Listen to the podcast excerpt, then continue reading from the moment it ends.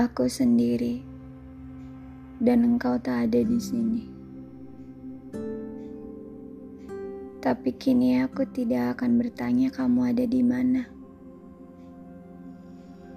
Karena aku cuma ingin kamu tahu bahwa selama ini yang kurasakan adalah sendiri. Aneh memang. Sepotong hati yang bertemu pasangannya itu justru membuat duniaku menjadi hampa menjadi berbeda, bahkan lebih buruk dari sebelumnya. Bahkan aku merasa sudah tidak memiliki bagian dari hatiku sendiri. Aku tidak tahu. Mungkin itu karena karena aku terlanjur memberikan semuanya padamu. Maka kini Pertanyaan yang tepat adalah, apakah hatimu adalah pasangan yang sebenarnya?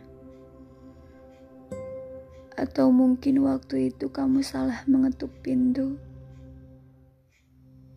Mungkin sebenarnya bukan rumahku. Mungkin seharusnya bukan aku. Maka kini, harusnya kita berhenti. Iya, kita harus berhenti.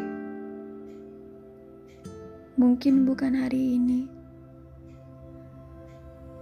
tapi nantinya kita akan menemui satu titik yang meminta kita untuk berhenti. Bisa berhenti untuk beristirahat, bisa untuk bernafas sebentar karena mungkin cerita ini membuat kita lupa cara menghirup udara. Atau mungkin